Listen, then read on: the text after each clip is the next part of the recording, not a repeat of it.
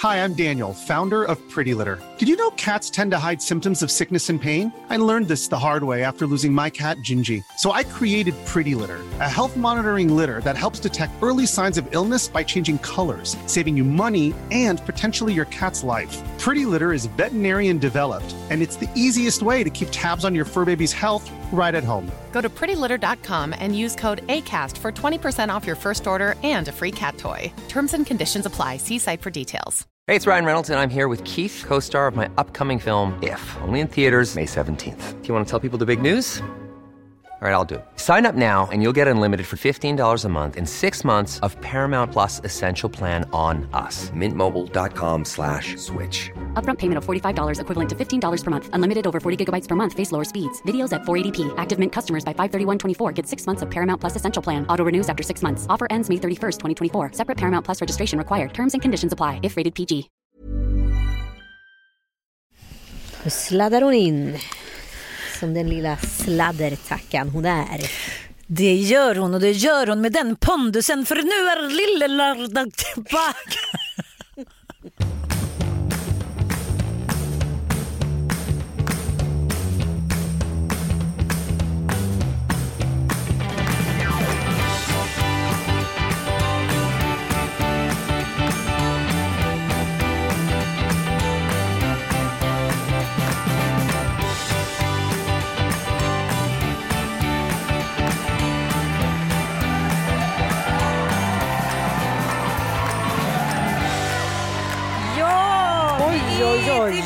Hon har blivit galen, frugan min. Hon har blivit galen redan innan vi har börjat.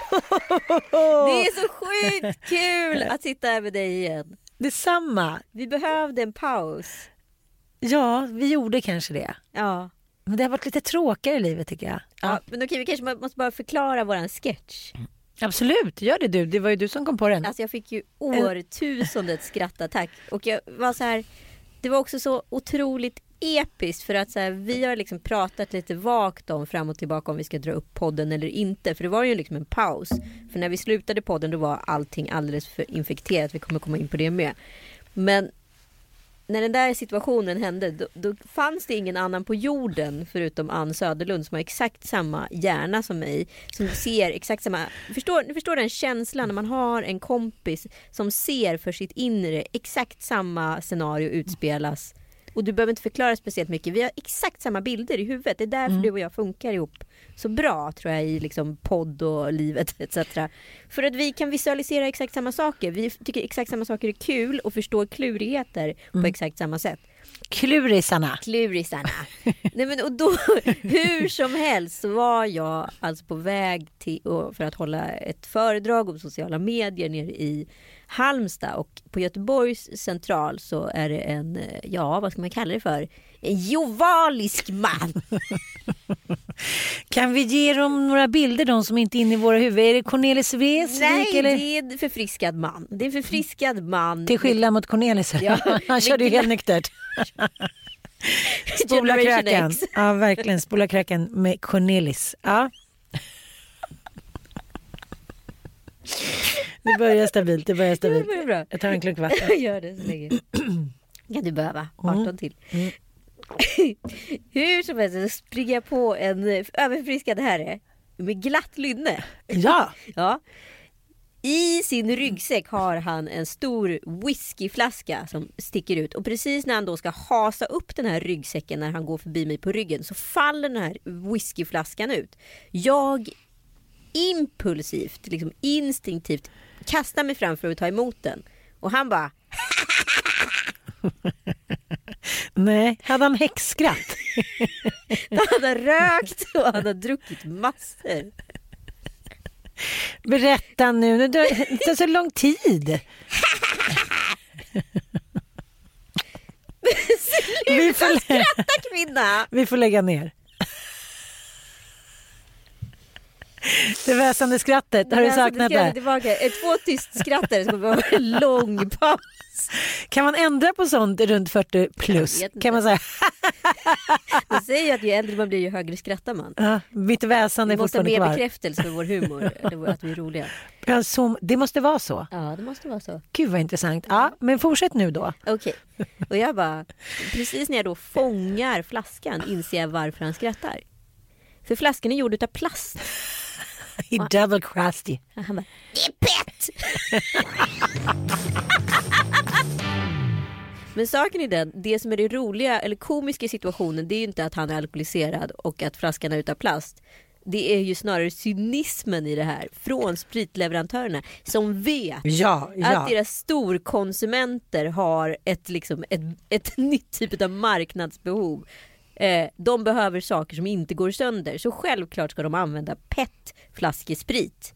Den håller, den är ändå lite glamorös i sitt yttre. Men det är väl billigare också? Inte Det är billigare. Ja, men alltså, det finns mycket ondska i den här Ja. flaskan som är så fruktansvärd. Vilket gör situationen så otroligt liksom, satirisk på något sätt. Liksom. Jag fattar. Ja, så därför kom jag hem med den här sketchen och var så här. Det finns ingen person på jorden som kan förstå den här, det här som hände. Denna fantastiska satir. Men vi är ju lite, vi är lite old school när det gäller sånt där. Vi ser det roliga och det tragiska i samhället. Att det går ju hand i hand. Det tycker jag har försvunnit lite liksom, senast. Sen vi började med Instagram så har satiren försvunnit lite. Folk förstår inte riktigt att det, det kan vara tragikomiskt som vi brukar säga. Nej men all, alltså, det är alltså, gud, jag kan ju tänka ihjäl mig på såna här grejer. För jag upplever att en yngre generation, generation Z, eh, de, de är väldigt mycket, liksom, det har vi pratat om förut, att de är väldigt mycket liksom, eh,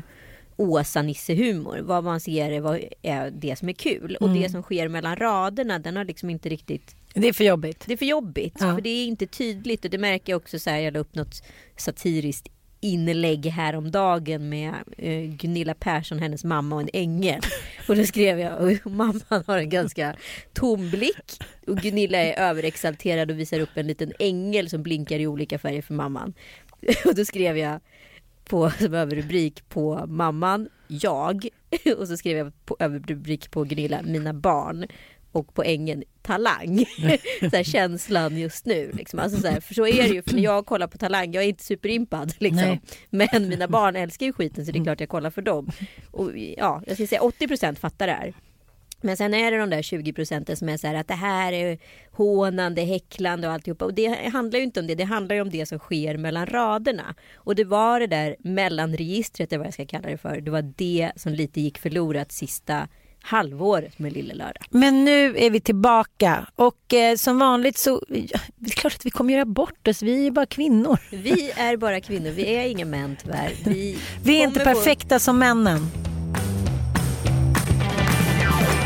Ja, det är en märklig eh, turbulent tid vi lever i och det känns också lite så här. Vi ska väl försöka undvika i mesta möjliga mån att prata om corona i den här podden. Men den kanske behöver, ändå behöver ah, pytte, pytte, Ja. lite adresseras ur ett så här, eh, samhällsperspektiv. Ja, Int, ett, intressant hur snabbt anpassningsbara vi trots allt varit. mm, Och då förstår man ju, för nu är det ju nästan så här undantagstillstånd som skulle råda under krig. mm. Och hur ett land organiserar sig som det vore under krig. Vi som också varit så neutrala och liksom inte vana med den här typen utav eh, utav liksom situation. Det här har ju aldrig skett. Sen undrar jag ju såklart så här, hur mycket spelar medierapportering sociala medier in? För vi har ju ändå varit med i svininfluensan och grejer. Då, då saker och ting har liksom känts mer konkret. Man går ner och massvaccinerar sig på, hos arbetsgivaren och sen så är det, går man hem och så blir man lite sjuk ett par dagar och sen är det bra. Nu finns ju inget vaccin så det kanske därför är så stapplande på något sätt. Ja, men det är klart det är. För jag tänker också att vi, har levt, vi levde liksom under så många år i så här, bland annat Per Albins och Palmes och socialdemokratins trygga famn. Så att jag tror att vi, vi tänker bara att någon ska ordna det. Jag tror ju att sociala medier har en stor inverkan i hur den här informationsspridningen har varit, jag skulle inte säga helt successful. Nej. Men, men jag kan hålla med om det där. Vi pratade om det någon gång tror jag i podden att så här, vissa människor kanske kan få sitta på sina höga hästar och tycka till eftersom de är bäst i sitt gebit i landet eller i världen. Och det är lite som många förstår sig påtycka, bland annat Patrik Sjöberg. Mm. Ja, där folk ska bara sitta lyfta lite på kammaren och tycka till om en, liksom en, en, en internationell superkatastrof. Men... Ah, de där verkar inte göra mycket på, vad var det skrivit, smittskyddsföreningen där. Ja, men det finns en eh, liten minianalys som jag har gjort. Mm. Att jag tror att, det kom, att skilsmässostatistiken kommer gå ner. Ja, gud ja. För dels är det så här, vad ska vi göra när vi är instängda? Okej, vi får pippa, det kommer bli fler barn, då får vi hålla ihop. Men sen känner jag att sen den här nationella krisen har skett i Sverige så har jag blivit mycket snällare. Ja, men saken är ju den, det här är så tidstypiskt för att eh, vi har ju inte tid att fokusera på skilsmässa. Nej, men, men man, jag tror också att man är lite mer rädd för att bli ensam och helt plötsligt så känner man så här, jag känner som att jag lever under andra världskriget. Man samlas vid eh, radion, alltså AKA liksom TV nu då. Eh, man käkar middagar tillsammans, man tar så bilder, så här, det här var den historiska dagen. Vi blir liksom enade och inte via internet utan via fysiska kontakter med människor vi bryr oss om och även människor som vi inte visste att vi brydde oss om. Mm. Det blir lite som att vi ligger för döden allihopa, vi måste rätta till skiten. Mm. Det är ändå en ganska fin känsla. Och liksom, det, det, kan inte vara sånt himla sammanträffande att allt håller på att gå åt helvete och så liksom korrigeras det av Moder Jord. Ursäkta alltså, uttrycket Moder Jord. Ju, jag blir ju också så här, jag blir ju verkligen divine. Jag mm. tror mm. ju helt plötsligt på någonting mm. otroligt. För att så här, alla de här rapporterna som har varit om miljöns påverkan och allt håller på att gå åt helvete. Och så bara kommer ett jävla virus som i slutändan är så att vi människor har släppt ut någonting skit i naturen som sen ett djur har ätit som sen någon äter och vi får i oss det och så sprids det och så sprids det. Alltså det är vårt eget fel. Alltså så här, och då självregleras, mm. självreglerar Moder Jord den här liksom avfallsindustrin. Sluta, alltså allt det här som egentligen typ Greta har predikat och sagt att det här måste vi göra. Men ingen egentligen kan göra eftersom hela samhället är ett helt konsumtions... Marknaden styr. Drabbat. Marknaden styr. Liksom. Men jag har blivit lite så här, jag har fått en tvärtom effekt. Jag har velat eh, konsumera sen det här hände. Varit inne på auktionssajter, varit ute och käkat. Som att jag ville hjälpa samhället att överleva. Så är det ju. Man mm. vill ju verkligen, alla vill ju bidra men det är så jävla svårt för att det är det olika saker som drar i en hela tiden. Men vi fattar ju inte liksom efterdyningar om det här kommer ju vara jag orkar inte ens tänka på det. Kan vi inte bara... Det var en eh, känd politiker där för ett tag sedan som eh, sa att så här, You ain't seen nothing yet. Mm. Alltså så här, konsekvenserna utav det här. Äh, det mm. kommer ta år mm. att reparera.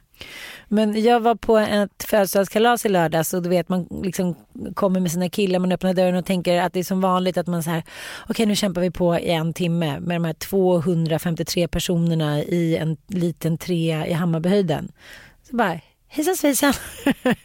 Tio små glada personer satt där och skulle precis äta en liten tårta. Och även de närmaste eh, blir rädda för varandra. Mm. Och nu eh, som i Norge då där de inte går i skolan och eh, där de då uppmanas barn att de får max ha två kompisar som, som de får leka med hela tiden. Och att man max då ska vara, eh, man ska hålla ett, helst två meters avstånd och man ska ses ute. Du vet, det, liksom, det förändrar ju också hela scenen för hur människor ska umgås. Tänk dig själv om du var så här, nio år och skulle ut och leka med, med lill-Ann och lill-Kacken. Så bara, men du måste hålla i två meter från varandra och det måste vara samma kompisar hela tiden. Alltså, det, det är så svårt i praktiken att leva efter sådana reglements. Exactement. With a song. men hur, har du varit, hur är du? Du och Joel, känner du dig snällare? Nej men alltså jag, eh, ja. Eller framförallt så är det ju så här, det är ingen idé ens att så fokusera på ens relation med tanke på att Ja, men det är ju precis så här. Det är varför folk inte skiljer sig etc. i fattiga länder. Det är ju just på grund av att det finns andra större problem. Precis. Ja, eh, som är viktigare. Så att man hinner inte fokusera så mycket på sitt eget. Så jag tror att det är bra också utifrån någon form av samlevnadsperspektiv. Precis mm. som du är inne på. Livet som egenföretagare är väldigt kul men det är verkligen långt ifrån en dans på rosor. Och ibland, jag vet inte hur du upplever det, så har man ju inte direkt jämnt cashflow. Det är ju alltid målsättningen men det är inte alltid det blir så. Nej, det kan ju gå flera månader utan att man får in pengar om man tänker till exempel på sommarmånaderna. Det brukar bli en chock där i augusti.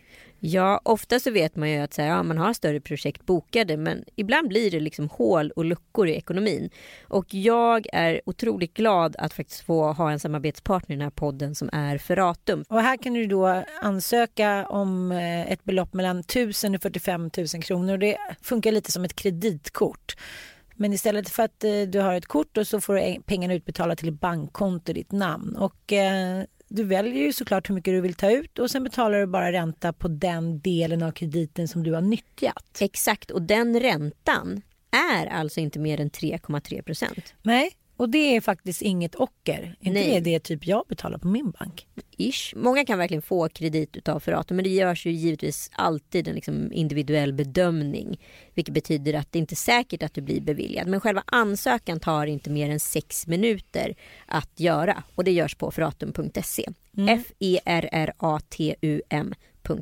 Det är ändå viktigt att påpeka eh, att det här är en högkostnadskredit. Ja, den och, går under det liksom paraplyt. Precis, och som med vilket liksom lån eller räkning som helst så kan du ju riskera att få en betalningsanmärkning om du inte betalar tillbaka i tid. Precis. Så eh, tänk efter innan och räkna på om du kan betala tillbaka lånet. Och där finns det faktiskt en, en bra, ett bra sätt. Du kan gå in på hallåkonsument.se. Mm. Där kan du få hjälp med dina uträkningar. Gå in på fratum.se och använd koden lillelördag25.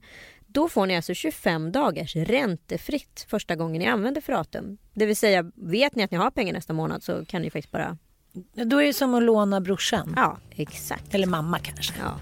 Mm. Så gå in på fratum.se och läs mer. Du lyssnar på Lille Lördag och eh, vår podd har en samarbetspartner, ingen mindre än Oslo Skin Lab. Och eh, jag tänkte bara fråga dig, ser du någonting särskilt with my face? Ja, att ditt eh, 105-åriga ansikte ser alldeles perky ut.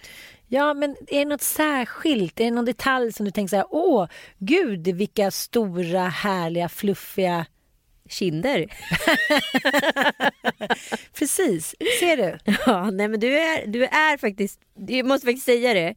Det låter kanske som att man sitter och hittar på men jag såg dig i februari och du började med det här i februari. Ja. Och du har inte fixat och trixat något under tiden. Nej, inte vad jag vet. Nej. Nej. Du är alltså väldigt mycket mer liksom, vad ska jag säga, spänstig i hyn. Ja. Det är faktiskt helt sjukt. Jag kan ju inte prata superobjektivt i och med att jag bara har tagit det här själv i två år och upplever en ganska stor förändring. Men det är ju som sagt det är svårt att avgöra på sig själv. Jag tycker mest att jag känner det liksom just på så här mammamagen och liksom celluliter. Där har jag fått störst effekt utav det här. Det är också smidigt och, eh, och eh, få i sig om man säger så. Jag gillar, jag är inte så mycket för tabletter så jag tycker att det, det här är bättre. Man kan ha den både, man kan både dricka den eller ha den i maten. Precis. Sånt gillar jag, att det finns alternativ. Exakt. Mm. Eh, ja, egentligen kan man ju ta det till vad som helst för att det är helt eh, smak och doftfritt. Det enda som det inte är så gott i är kolsyrad dryck så det kan man undvika. Jag tycker faktiskt att ni ska testa det här för att det, det, blir skillnad och jag tror att ni kommer känna det själva. Och känner ni inte det så är det ju bara att sluta. Och vi här på Lille Lördag har en superrabatt till er. Exakt. Shoot! Ja, vill ni förebygga rynkor, fina linjer och celluliter alla är olika, vissa vill inte, vissa vill. Då tycker jag att ni ska lyssna på det här erbjudandet. Med rabattkoden LÖRDAG får ni lyssnare 60% rabatt på er första beställning. Om ni blir medlem på The Solution så gå in på osloskinlab.se. Eh, som medlem får man hem ett nytt paket med 28 stycken dagsdoser och var fjärde vecka fylls den här på. Eh, och 30% får man även på försändelsen som kommer efter. Så först 60% och sen 30%. Och det är fri frakt och ingen bindningstid. Men man ska prova ett par månader tycker jag för att liksom få en känsla av att det faktiskt funkar för en. Precis, och det känner jag att jag har varit full av tålamod. Men att det gick snabbare än vad jag trodde. Ja. Ja, och känna skillnad och mm. se skillnad. Så prova nu. Jag tror faktiskt inte att ni kommer bli besvikna. Det tror inte jag heller. Nej, men jag har ju nu börjat följa den här serien The Morning Show. Jag är sist på bollen. Eh, jag läser också just nu eh, K, klubben. Mm. Så att eh, ja, Du är där. jag är där. Du är ett halvår försenad. Men jag kan tycka att det är bra också. Det kanske är bra för då gör man inte bort sig. Det är min nya taktik. Gör allting ett halvår senare. Ingen kommer lyssna på den här podden.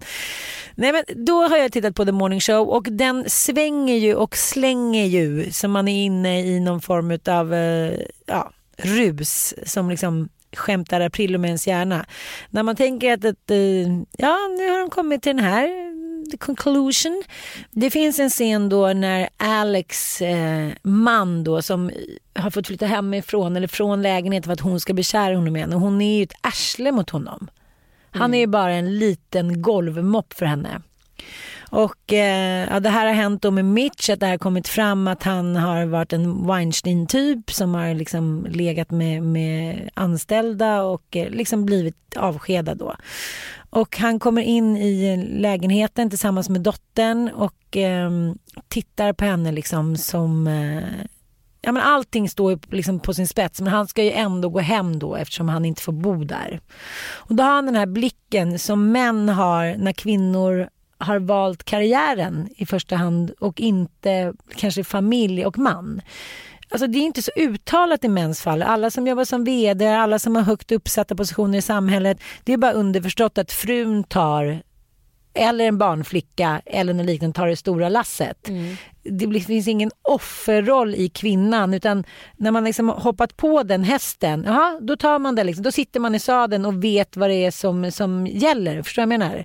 Men hans blick då när han inser att, att liksom, hon mår dåligt och loppet är kört och alla de där känslorna i blicken. Så här, ja, så här var det för att hon, hon valde att inte liksom sätta familjen först.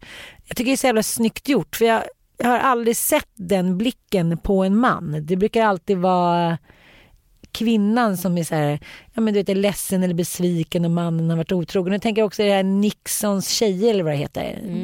Där är också så här, de har skrivit om historien till att en rysk kvinna var den första kvinnan på månen. Före då USA. Att det blir en helt annan man måste bara liksom helt plötsligt ändra fokus och liksom göra om hela världsbilden när man tänker på att så här, att kvinnor sätter sig själva i första rummet. Men det var så mycket i hans jävla blick att han var så anklagad, han var ett offer, det var så synd om honom. Han så här, som att hela jorden hade gått under när han insåg konsekvenserna av att hon hade offrat allt och ändå verkade det gå åt helvete. Vet du vilken scen jag menar? Ja, jag vet exakt vilken Ja. scen du menar. Jag, jag kan inte riktigt liksom förklara känslan i det där men, men eh, Men vad är teorin? Nej men teorin är ju att män att de är så rädda fortfarande för självständighet för att de hela tiden tänker så här om hon vill gå till jobbet, om hon vill ha med sina tjejer, om hon vill bla bla bla då finns det ju en möjlighet att jag inte sätts i första rummet och då kan hon lämna mig. Men jag tror ju att hela liksom, idén med liksom, den klassiska försörjaren och liksom, den typen av man som också är väldigt schabloniserad och egentligen inte kanske existerat de senaste 50 åren. Nej jag vet. Att det alltid har varit, alltså alla män har ett större behov av kvinnor än kvinnor har av män. Jag vet. Eh, och eh, även om det har varit så att snubben har varit ute och dragit hem stålarna så har det alltid varit så kvinnan som har haft den tysta makten i hemmet. Det är väl inga nyheter egentligen. Men där i den scenen som du beskriver blev det så otroligt talande och tydligt hur maktlös han var inför makten. Mm. Och att makten som han trodde han hade haft aldrig, hade bara liksom varit en, eh, en chimär. Runt, du, vet, du vet eh, det här paret i eh, Fröken Frimans krig, du vet Allan Svensson och Ulla Skog. Ja. Där han är liksom den store potente mannen som bestämmer och minsann kan domdera och han han vet men det, hon är hela tiden den tysta makthavaren som hela tiden får honom att tro att det är han som har kommit på allting fast allting egentligen skapat av henne. Den, det paret är väldigt ty, tydligt talande för hur det faktiskt kanske har sett ut. ja, Hillary Clinton, Mm. Bill Clinton. Måste ändå ge Hillary... eh, sett en- dokumentären? Nej jag har inte gjort det men, men, Ja, ja. Ja, men jag tycker ändå att det är magiskt att hon säger okej, fuck tystnadskulturen. Hon pratar tydligen helt öppet om hans otrohet. Mm. Berätta. Ja, nej men den är, det är ju två vändor utav otrohet. Den första, eh, första vad heter det, otrohetsvändan eh, när han fortfarande är eh, Arkansas. Liksom.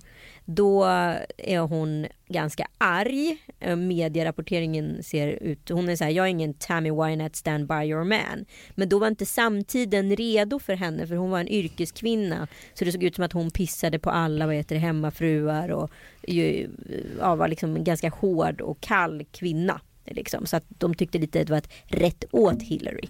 Jaha. Ja. Så där fick man, ja, men det är den gamla tidens ja, conclusion Ja. att om man, om man inte tar hand om sin om man är för kall, det har de ju också pratat om autism till exempel. Om man, fram till 90-talet så var det om man har varit en kall mamma då får man autism och om man inte vill ligga med sin man då börjar man kröka. Det är alltid lagts på kvinnornas fel. Liksom. Ja. Men sen så vände ju det här då som blev liksom egentligen en stor anledning varför de vann valet andra omgången eller andra mandatperioden. Eh, det var ju eh, när han var otrogen med Monica Lewinsky. Och hon blev liksom helt tagen på sängen. Och var i så chocktillstånd och visste inte alls om hon skulle klara det här och gå igenom det här. Och de körde samtalsterapi hardcore och hon var verkligen hon hatade ju honom. Ah. Och de åker då till Martha's Vineyard för att liksom få eh, en liten paus från media och medierapporteringen är helt enorm. På Martha's Vineyard står hela liksom, lokalbefolkningen med skyltar så här, Welcome Bill and Hillary. Så att det är ju liksom bara, ja. Alltså förstå att hela tiden, alltså nu ska jag verkligen inte säga att jag haft en så här ohård offentlig skilsmässa. Absolut har det varit en ganska hård pressrapportering men inte i närheten av det. Men bara den känslan jag hade då utav isolering och ensamhet och rädslan för att här, säga saker som hela tiden används som någon form av tredjehandsinformation. Kunde jag prata med en kompis så kom det där kanske ut liksom, eh, ja, tre veckor senare i annan form. Liksom. Så man, man känner sig så otroligt ensam i sin ensamhet. Mm, mm. Jag kan bara tänka mig hur fruktansvärt det måste varit.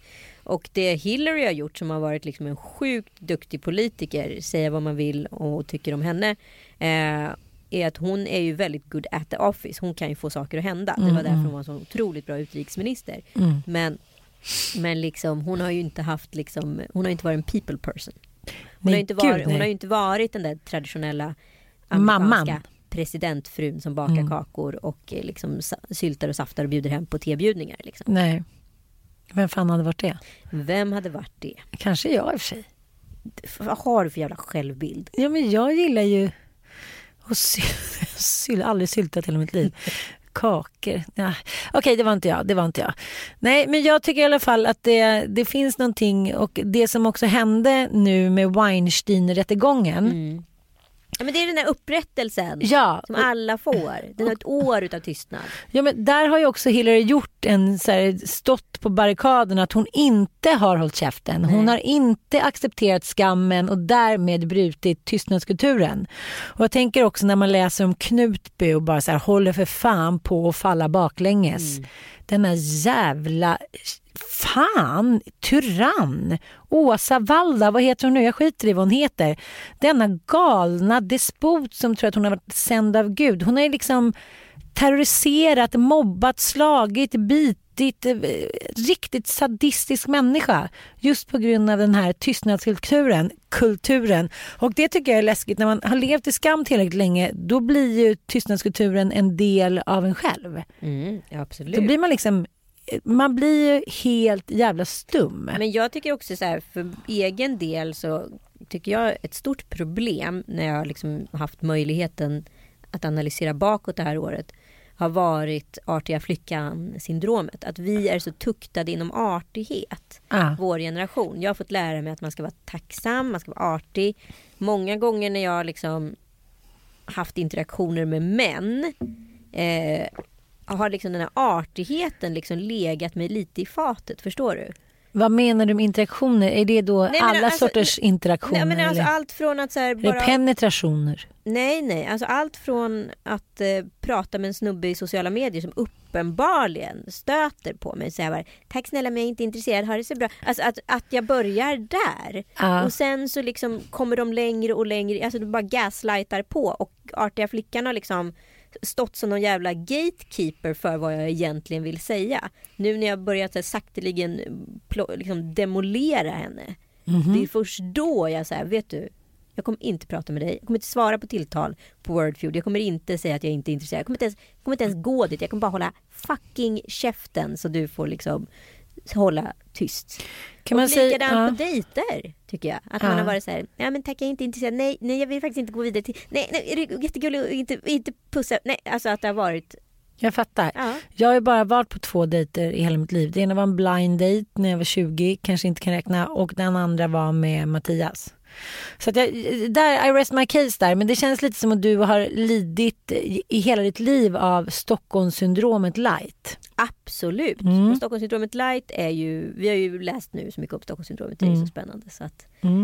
eh, för det är ju en av kvinnorna där inne då som blir kär i bankrånarna och pratar med Olof Palme i telefon och skäller ut honom och säger att han är dum.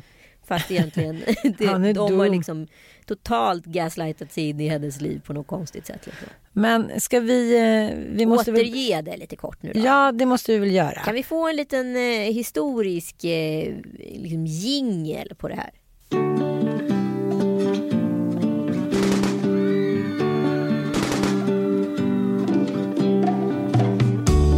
Jag kommer in och ska... Ja, en rångrej va. Det är ju mitt jobb att... Det står jag för va. Stockholmssyndromet.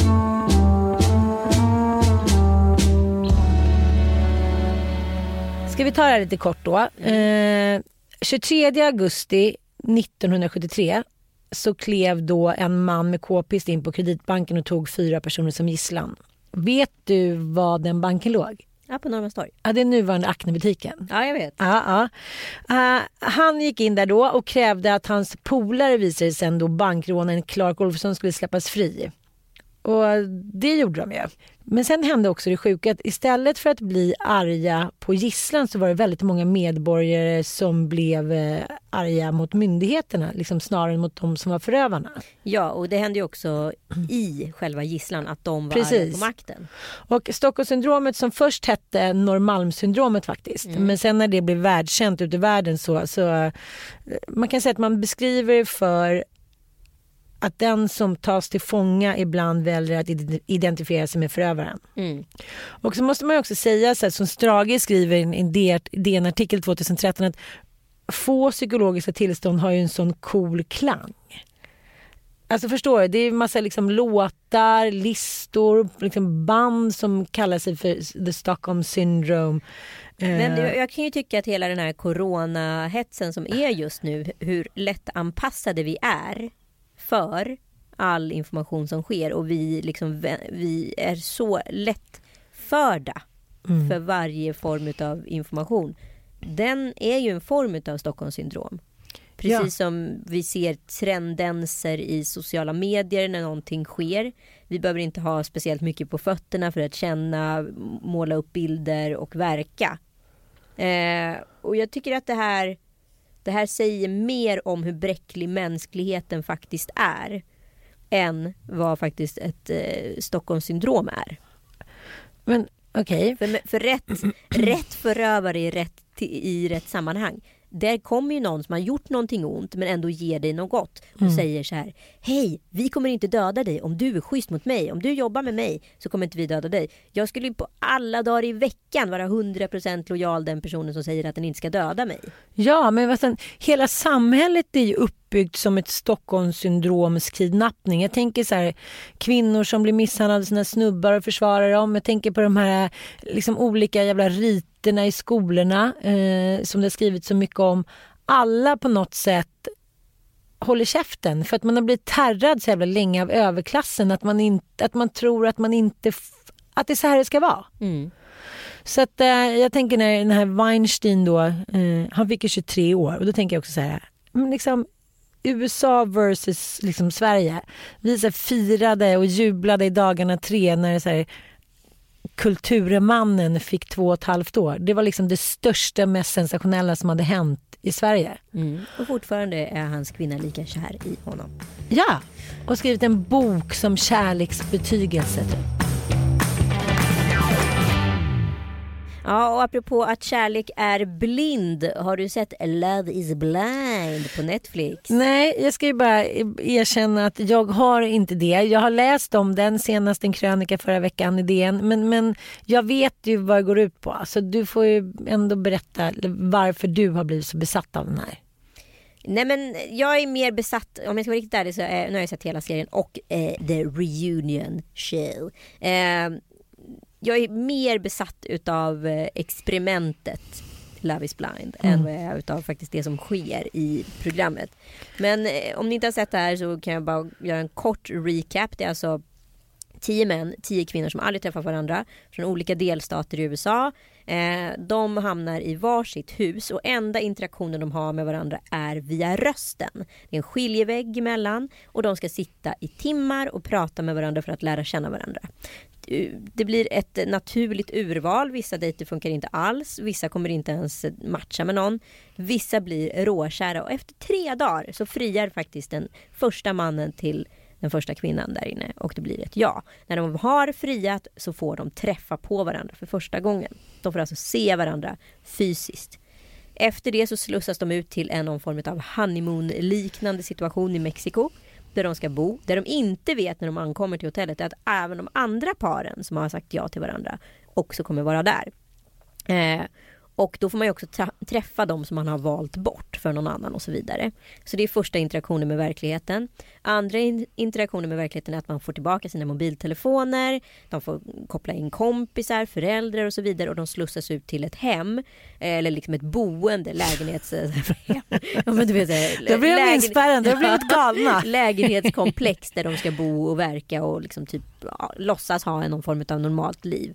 Och sen så är, och, och folk droppar av, det ska man vara tydlig med efterhand. De klarar inte av de yttre påfrestningarna. Och sen så är det då till och med att folk faktiskt droppar av vid själva vigseln. För de ska då gifta sig med varandra. Ja, men vadå? Vad jag har förstått så handlar det om att så här, uspen, den sadistiska uspen är att man inte vet om bruden eller bruden kommer säga ja, ja eller nej. Precis. Det så är ju så vidrigt och ont. Break, breaking moment. Ja. Och vissa par klarar sig och de gör den här reunion då ett år senare och vissa par klarar sig inte. Men det är ändå några par som klarar sig. Aha.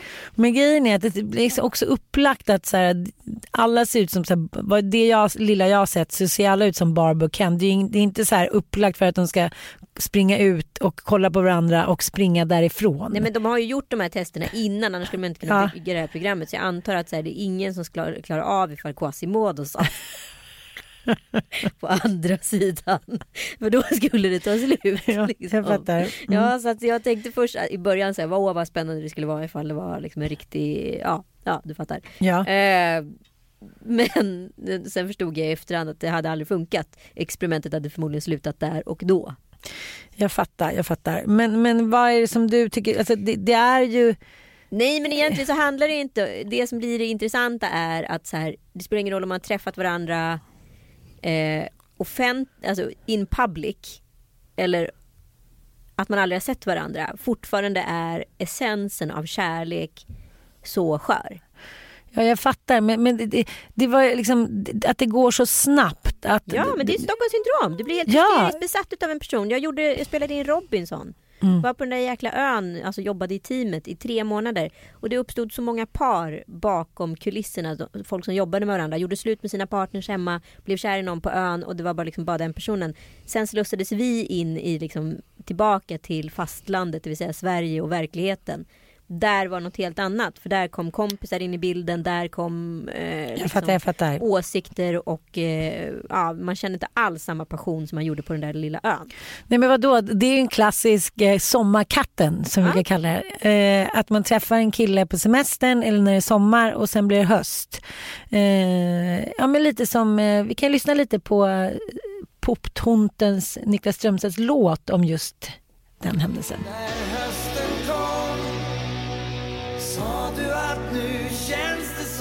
Börjar om Men jag var bara tyst och tom när hösten kom och sommaren dog Nej men, men det är ju helt, det är som att man har blivit lurad för att människan vill bli lurad. Och sen så blir det höst eller så är semestern slut och så kollar man på den där Pelle Jönsson och undrar vad fan som hände. Exakt. Och då kan man ju till exempel redan vara med barn. Precis. Och så åker man då på någonting som är en slottsweekend och blir besviken. Ja, alltså vi måste prata lite om dammvippinredningen. Nej, vill men, inte bara prata om att så här, någon jävel köper ett slott. Ja. Jag menar, det är sjukt. nu vårish, det är liksom inga, inga Nej, gamla nej, pengar som köper slott längre känns det som. Utan det, Man förstår det inte hur mycket det kostar att driva ett slott. Så av man kö- Protenius så säljer av. Exakt. Okej. Så, så man köper ett slott. Det är en stor investering. Det kan vi komma överens Ja, det kostar Och så har man någon spänn. också typ av galenskapsidé att det här ska inredas till, ja jag vet inte vad. Men så köper man ändå liksom så här silverglansiga eh, gardiner och, eh, och liksom lite krusidullsängen. Och tyll, tyll, Tyll, de älskar tyll. tyll, Ja, de tyllband De älskar till. och guld. Nej men alltså, det är ju mini Versailles. Nej men det är inte, men det är inte miniversaj, det är så här, det är ju liksom Ullared Versailles. Gud vad bra. Nu har du kommit på någonting som kommer vara med i, i nästa års ordbok. Ullareds Versailles. Svenska Akademins ordlista. Lyssna på Lille Lördag. Och plupp kommer vara med också. Pluppen. Var är pluppen? Tar Nej, pluppen? nej, inte, inte laddare. Jag vill ha pluppen. Ge mig pluppen tack. Ja. Okej, Mi- Ullareds Versailles. Ja men du fattar vad jag menar. Det är alltid liksom, Nej, men älskling, jag älskar det Du vet ju att jag, till. ja, jag är ju hotellbesatt. Jag har ju varit på alla slott i hela världen. Men jag Nej. blir så alltid ständigt liksom, får ändå ett litet fniss varje gång man öppnar de här salarna och så tänker man så här, wow, man blir helt så här förhängslad utav utsidan och så öppnar man ändå dörren till lilla slosset, schlossrummet och så är det liksom Ullareds Versailles som möter en. Jag tänker att de som är nivårish och får inreda det här, dels är de, jag tror att de är, de är sådana som permanentar sig fortfarande. Nej, jag Ja. tänker att pengarna tar slut. Jag tycker att pengarna tar slut. Så precis innan de når målet, den fulländningen utav Versailles. att gjort sitt lilla Versailles, så har Ja. pengarna tagit slut. Jaha. Så de måste tulla på tapetvalen, på mattorna, på liksom, alltså de får inte till det där sista. Är det då de så här, t- tar fram de där gamla påskrosa påskfjädrarna? För mycket fjädrar också. Vilken dammig inredning. Nej men det är det här som är så hemskt för att man tänker så här, ja de har köpt ett slott, kom de på så här, fan elräkningen är ju för fan på liksom. 600 000 i månaden. Nej älskling, du, du får faktiskt åka till överskottsbolaget och köpa tapeter. Nej, men jag tänker också så här, men den inredningen är ju helt sensationell. Men jag kan ändå tycka att Sensationell. mer- sensationell. För Jag tycker att det är mycket södra 90-tal, sensationell. Så jag tror nog att du har rätt. Det finns överskottsbolag, hemliga, där man kan köpa hela inredningar. Men kan inte Ullared starta en slottsfilé? Vet att min mamma hon köpte tyll och gjorde stora tyllrosetter på, på julegranen. Nej men nu ska vi inte vara, nu ska vi inte vara sådär. Nej, vara sådär. nej, nej. Nu blir det lite småstadsförakt. Det blir lite småstadsförakt. Jag ska säga Nej, att det är mot min mor. Jag småstadslyx. älskade de där tyllgranarna. Till är småstadslyx. Så kanske det är. Ja, Men jag, är- jag älskar tyll. Tapeter med Jag quotes. älskar tapeter. Ja, men du, tapeter med quotes på väggarna. Alltså, nu Ja. följer jag ju Hemnet-knarkarna. Och då ser man ju hur många villor som helst med tapeter med quotes på väggarna. Vadå ja, quotes så på här, Carpe väggarna? diem inne Ja. i tapeten. Och så Ja. har de ta med fan med alltid tyllgardiner. Det är småstadslyx. ja, jag vet, men nu blir det som klassförakt Ja. och det ska vi inte närma oss utan nu är Varför vi inne på... inte då?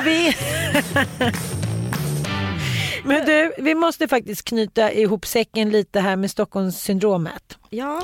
För att eh, när vi började läsa på lite så visade det sig att den här då eh, stackars Kristin Enmark som är, eh, ser liksom dödsförskrämd ut på de här bilderna också samarbetar då med Clark och Olofsson och Janne då som, eh, som var den som ville befria Clara. Hon eh, påstår att eh, allt som det här är baserat på är bara hittepå. Hon har inte alls drabbats av det här syndromet. Hon har bara varit en smart höna i en bur. Mhm. Ja, eh, hon beskriver då så att eh, hon har känt sig, hon hade velat ha beröm och kärlek av svenska folket och det tycker inte att hon fick. Och det som, eh, som, eh, som vi beskrev då innan så psykologer då beskriver tillståndet som att man utvecklar då ganska snabbt en känslomässig relation till förtryckaren och då tar parti för den. Men Kristin Enmark då som eh, tog parti för, för de här eh, ja, kidnapparna då.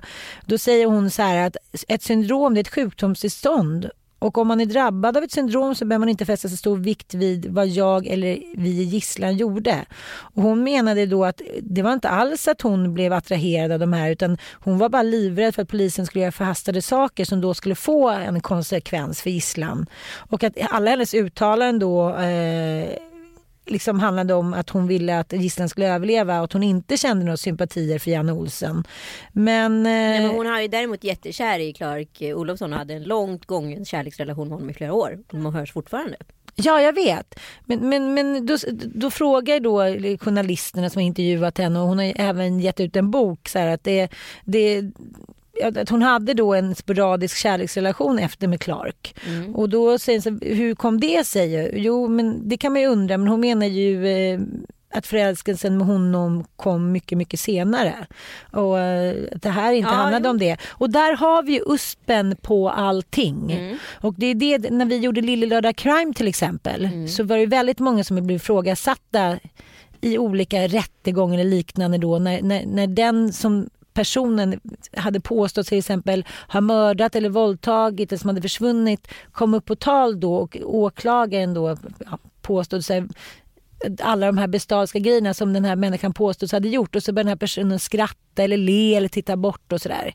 Och så var jag såhär, men gud hur kan de göra det? Och då tycker jag bara man kan gå till sig själv när man hamnar i olika situationer, till exempel i relationer med vare sig kompisar eller på jobb och när man blir anklagad för någonting som man känner så här, men det här är för fan helt absurt. Hur, hur hamnade jag här? Då blir man ju stressad precis som man skulle sjunga i kören när man gick i åttan eller Lucia-tåg. Man skrattade och fnissade för att man blev så jävla stressad För man av... inte var mediatränad helt enkelt. Precis. Nej men jag Men- förstår hur hon tänker. Hon tänker ju rationellt irrationellt. Precis. Och det är väl det Stockholmssyndromet är. Det är en eh, rationell tanke i en irrationell verklighet. Och det är det som också vittnar så himla starkt om det här. Det är när den här Miriam Haley som då, vad ska man säga, såg till eller vittnade så att Harvey Weinstein hamnade bakom galler i 23 år. Det var ju det som åklagaren var på henne jävligt mycket. Att så här, men du har ju fortsatt ju ha sex med honom några gånger och träffa honom. Du ritade ju hjärtan, möten efteråt hit och dit. Och jag som själv har varit i en sån relation och gått tillbaka till förövaren och haft sex med honom igen och låtit mig utsätta för det här. Det är ju jävligt läskigt det här när, när någon har gjort en illa så får man ju ett band för att man vet inte vad som är passion och vad som är kärlek och vad Allt som är vävs ihop liksom. Precis. Och det är mycket sånt som står i klubben också. Där ingen av de här kvinnorna har ju någonsin upplevt sig som en svag kvinna. De har ju upplevt att de har bestämt och varit starka. Och att de skulle vara ett offer för våldtäkt, det har ju varit det, har ju varit det svåraste för dem att acceptera. Ja, Där. hundar som blir slagna. Alltså, det finns bara en sån, vad ska man säga, ett anknytningsfuck-up i människors hjärnor. Men det är väl anpassningssyndromet. Precis. Tillsammans med Stockholmssyndromet, så jävla mycket syndrom nu. Men det bästa syndromet är att Lillelördag är tillbaka. Att vi kan väl kalla det för Ullared- Ullared-syndromet. Versailles Kör vi live från Ullared? nästa gång? Ullareds, Jag Ullared. älskar jag älskar Ullared för övrigt. Ullareds Versailles, det är där du och jag kommer sluta, jag vet det. Jag vet det, jag med. Nej, vi tror att det är Rivieran men det kommer vara liksom Rivierans guldhönor. Det kommer vara, där precis innan Ullared och gör såna här hockeyhandskar. Jag ser så framför mig vem du kommer vara där. Jag kommer ändå vara lite skärpt och så lite kulturell. Okej, det ser man. Skön självbild som vanligt. Du kommer göra tyll. Till prinsessa. Du vet den där tjejen som alltid kommer på alla bröllop i ballerinakjol och snus på huvudet. Och du kommer ha Dame Edna solglasögon. Ja. Snälla ha det bara. Röda. Tack för att ni har lyssnat. Vi hörs om en vecka. Puss och kram.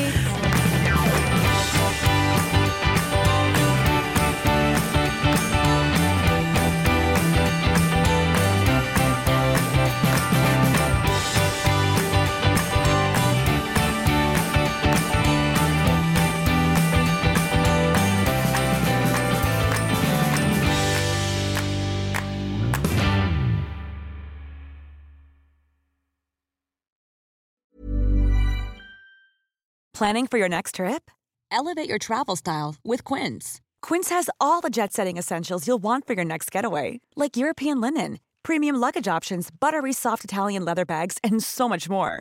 And is all priced at 50 to 80% less than similar brands. Plus, Quince only works with factories that use safe and ethical manufacturing practices.